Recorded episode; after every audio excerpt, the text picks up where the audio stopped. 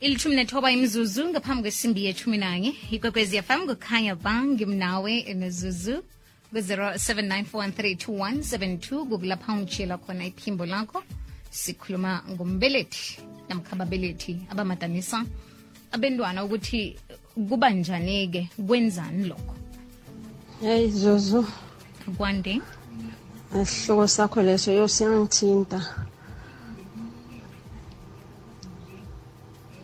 Umndeni ekhaya vele thina asizwani. Asizwani singabantwana bandawonye. Sengize ngadecide ukuthi ngiphume Zuzu. Ngiyohlala emchashweni. ngokungazwani singabantwana bandawonye yonke lento ikhoswa bazali and bese yenzakala singibona cala be like bengenza ngathi angiboni but ngibekezela. Yo kwafika la ngingasakhoni khona. Ngabona ukuthi ngcono ngiphume ngiyohlala emchashweni. Asizwani singabantwana bandawonye. Kubuhlungu futhi lokho zuzo kakhulu. Like um- um- umndeni wami sekubantwana bami. Ngihlale ngibatshela ngithi bantwana bami bambanani. Nibe yinyanda. Ningavumeli izitha zingene ngaphakathi kwenu. Nizwane. Ngiyabonga zuzu sincebeze khulu um kileyo ndawo. Nokho ku- kubuhlungu. Eh mwezo kunjani ngilapha mara ngiyacela uyidobhe le ngiyakurabhela ngiyakurabhela mayezo ngine experience mina into enjalo. Mayezo ubaba wakungale khabo ngoba abantwana abeza ngemva kwakhe bathoma bathome ukubereka for yena. Amdala i-first born.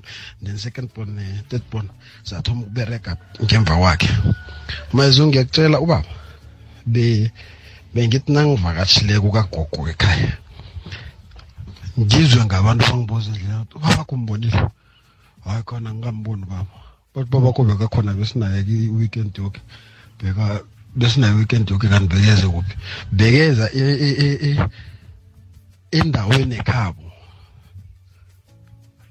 Angaye ekhabo ahlale bangane ne-weekend yoke. Net ngenxa yento leyo yokubandlululo ukuthi yena kabereki kuthandwa ababeregako hloke igama mayizulu into leyo ikinga ekulu ikinga ekulu kulu kulu mayizulu and ikithi ikithi khulu ngathi indlu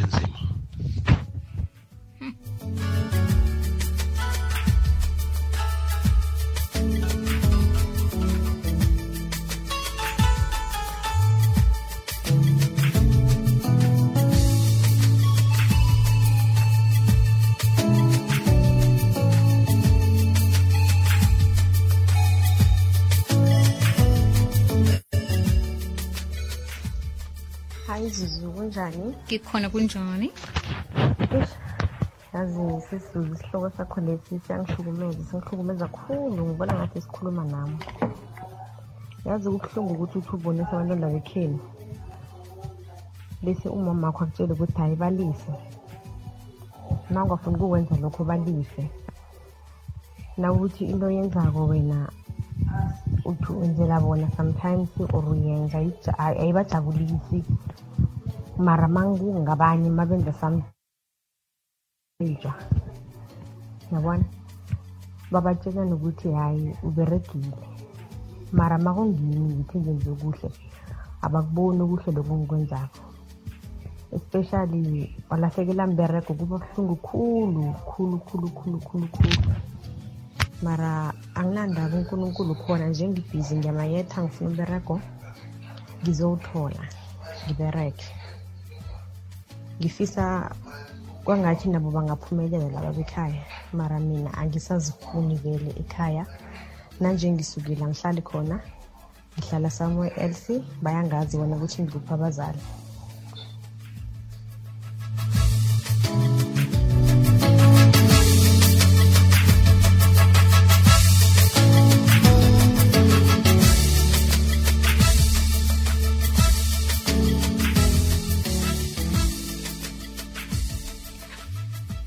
ilithumi nahlanu imzuzu ngaphambi kwesimbi yethumi nanye kwekwezi fm kukhanya ba ngimnawe ayikhona ngimnawe nozuzu ngiyathokoza-ke ngama-voice note ngiyabona kuvela amaningi kodwana ngiba wasenze nje siyitshidele usisicebi zungu uyi-life coach um ne-motivational speaker. Sesicebi uvukile ngivukile kakhulu emakhazeni amangaka zuzu ngiyathemba nabalaleli emakhaya bavukile nabentwana basesikolweni namhlanje Yes.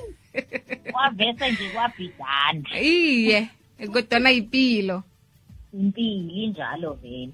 Sesicebi siphethe nasindaba um kodwa-ke sisakhuluma njalo ngendlela ama-voice note amaningi ngayo. Eh minengi imlayezo e- e- e- evelako etshengisa ukuthi yindaba ethinda abantu abaningi lesikhuluma ngayo namhlanje ukuthi umbelethi umatanisa abentwana. Kwenzani lokho e- e- ebantwaneni aba? Eyi zuzu. Um njengoba besikhulumile evekini elidlulile sikhuluma ngama-generational curses ngezinto ezihlezi zihlezi ziziphinda ey'mpilweni zethu. Nayo le esikhuluma ngayo namhlanje isalida or isewumphumela wezinto e- ezingena kwi-generational curse ukuthi singabantwana sikhuluma kanjani? Singabazali singababeleki sikhuluma kanjani ngabantwana? Yenzeka abazali isikhathi esiningi athi bayekhuza omunye umntwana noma umntwana engenzanga into enhle bese emqhathanisa nomunye ukuthi hayi wena awenzi kahle ungcono uzuzu kunawe ngoba yena. Eh mabayenza lento abazali suke bengayiyenzi ngenhliziyo embi noma baqonde ukukuhlukumeza. Suke bethi bazama ukuthi umntwana bamgqugquzele bammotivate. Kodwa kuwukuthi aba-understandi i-psychology or umqondo womuntu ukuthi usebenza kanjani. Ukuthi ngesikhathi uqala uqhathanisa umntwana nabanye abantwana uyambulala ngoba emqondweni wakhe kuba ukuthi yena kushuthi uyisehluleki bonke abantu abafani naye.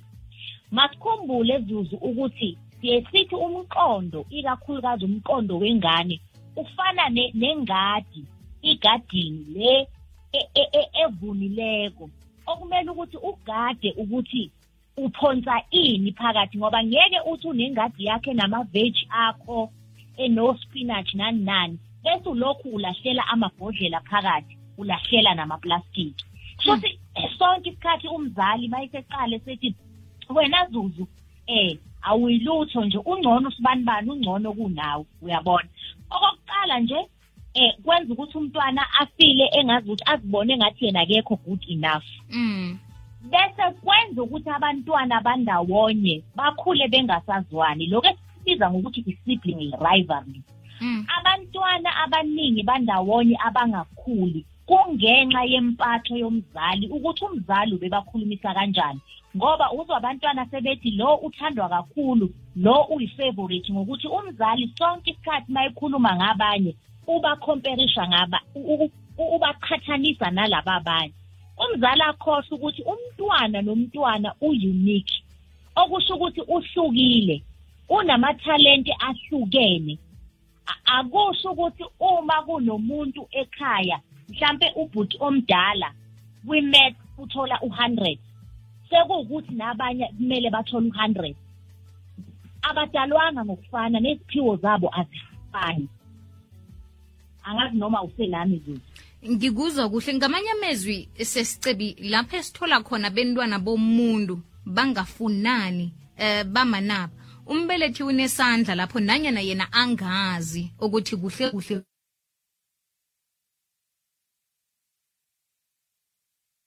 inyanda yinye. Kutsho ukuthi mbelethi owenze njalo. Isikhathi esiningi imphumela yokuthi umbelethi ubaphatha kanjani abantwana.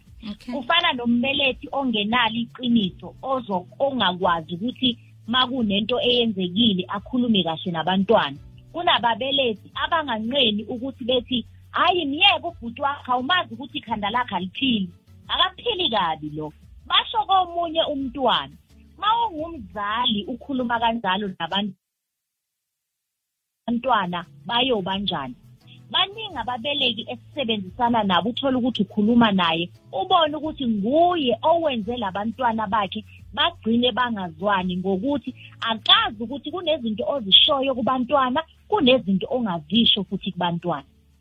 Hmm, ngikuzwa kuhle. Sesicebi ngiba masithengise bese siza kubeka kodwa usiragele phambili. yebo zuzu kwala FM esehlelweni lokuhlunga loyo ngabamvezi wemidlalo yomoya emhathweni ihloso kokuthi loyo zokutholakala asize ekuthuthukiseni imidlalo yomoya ngokupheleleko emhathweni ngokukhambisana ningkambiso ezibekweko zokusebenza kunye nemfuneko ze-sabc asize ngokulandela imnqopho nemgomo yorhatsha nokuthindana kuhle nabahlanganyeli bangaphandle nangaphakathi kwe-sabc funeka umuntu oneziqu ze-national diploma namkha i-degree ku-speech namkha ezilingana nalezo. Ungaba sethube nelihle lokha nangabe uneziqu ku-radio drama production kufanele abe nelemuko leminyaka emithathu lokusebenza emdlalweni omoya abe muntu okwazi ukukhuluma nokubhala iswati. Isikhala sivalwa ngomhlaka 29 july 2021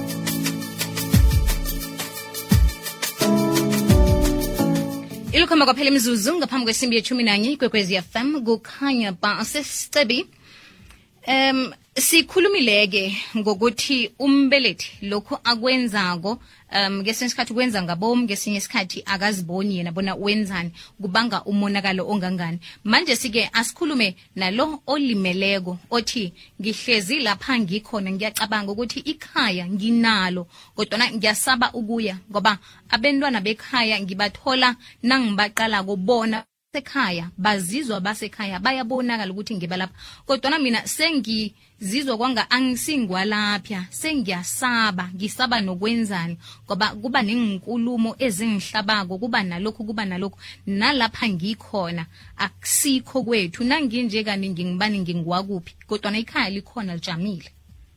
Mm. Inzima zuzu le oyibuzayo iyodinga ukuthi futhi siphinde sithole ithuba ngoba sesikhuluma ngomuntu oselimele.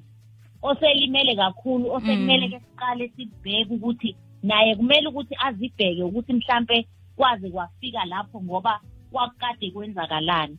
Mhm. kodwa yileyo ebesikhuluma futhi ngeviki eledlule ukuthi kubalulekile ukuthi sazi ukuthi noma yini eyenzekile empilweni yakho ungakwazi ukuyishintsha. Awusiko lokho okushiwa abantu kodwa yilokhu wena ocabanga ngoba umuntu uma ukhulile ngoba kunalabazali zuze sibabiza ngokuthi ama-weak minded parents shuthi abazali aba-weak othola ukuthi ngoba kuzokwenzeka ukuthi kunobhuti omdala noma usisi omdala onemali wena awunamali. Kusho ukuthi nje lo bhuti nje makakhuluma nalo sisi it goes. Nina abanye thulani ngoba aninawo u-five rand noma u-hundred rand ofana nalo nalo bhuti. So izinto lezo kumele ukuthi zibhekwe ukuthi nawe njengoba sewulimele kumele uhlale phansi uzibheke uzubuze ukuthi wena ungubani ngokuzibona kwakho and impilo yakho uzoyishintsha kanjani.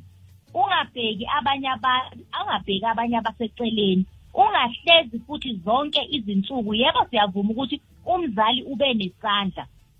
Kodwa ungabe sewuhlezi ublema umzali ngoba once wab- wazibona usuyi-victim okusho ukuthi awusenamandla. Yingakho kubalulekile ukuthi sonke isikhathi uma kunento eyenzekalayo usheshe uzame ukuzixoxa ukuthi kulungile bangakhuluma bethi kodwa mina ngoba ucebi ngizokwenza ngize ngifinyelele lokhu engifuna ukukwenza ngoba yonke into ofuna ukuyenza ikuwe zuzu ayikho kumzali wakho ayikho kubhuti wakho ikuwe.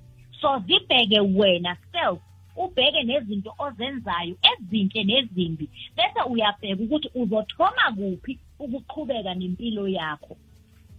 Kutsho ukuthi kusafanele kusizwe u- umuntu olimeleko sesice kokuthoma kuye njengoba na usitsho nje ukuthi kufanele ithome kuye into leyanzazi ukuthi ungubani.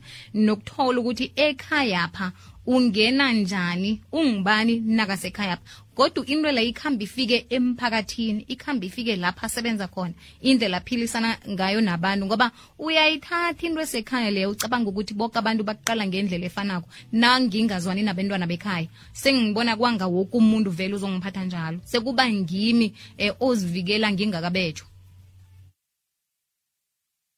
uyakwazi ukubona umuntu okhule endaweni onothando noma oshade umuntu onothando ngoba ukulimaza kwengqondo sithola even nasemshadweni uthola ukuthi umuntu ahlalisene naye uhlezi emlimala njalo. So yilo muntu lona ozothi uthi uphakamisa isandla zuzu uthi uyamhaga avika zawe phansi ngoba umqondo wakho usuthi usuyashawa. And abantu abanjalo uthola ukuthi-ke manje sekuzoba ukhondolo or i-trend lento yabo ngoba sebezosheshe belwe noma kade kungakabi nani. Ngoba usejwayele ukuthi ngisho kungathiwa umbonisa ngokweqiniso mhlawumbe emsebenzini ukuthi cha lokhu akwenziwa kanje kodwa kasaboni wena njengemeneja yakhe. Usebona umama wakhe ekhaya usebona ubaba wakhe ekhaya usebona usisi wakhe useyalwa. Yikho abantu abahlukumezekile bagcina bengasabe nabangani mabengalaphekanga. Ngoba yonke indawo sebebona umhlukumezi. Ngikuzwa kuhle sesicebi ngikho um etiphatime JJ sikhosana lapha ku-twitter uthi um into le yakha inzondo emndenini uh, nomona. Uthi kwangasingafunda ukuphatha nokukhulisa abantwana bethu ngendlela efanako ingasi ngale thina esikhuliswe ngayo. Bakhuliswe ngethando abantwana bakhuliswe ngendlela efanako ukuthi nibentwana bomuntu nithandwa ngokufanako nithandwa ngendlela efanako niqakatheke noke nibentwana bomuntu akunanto ekufanele nihlukanise ephasini. Heyi yane sesicebi siyathokoza. Sikufunyela njani-ke ningangithola zuzu kuzomele ukuthi siyiqhube le le ndaba mhlampe nasevikini elizayo ngoba kusamele ukuthi sizame ukufundisa abazali ukuthi kumele bakhulume kanjani nezingane zabo. Ningangithola ku-facebook kuceba izungu noma niye kwiwebsite yami i-www imjustcebi co za kuzwakele sesicebisa ithokoza kakhulu isikhathi sakho nelwazi osabelelwayo ngithokoza kakhulu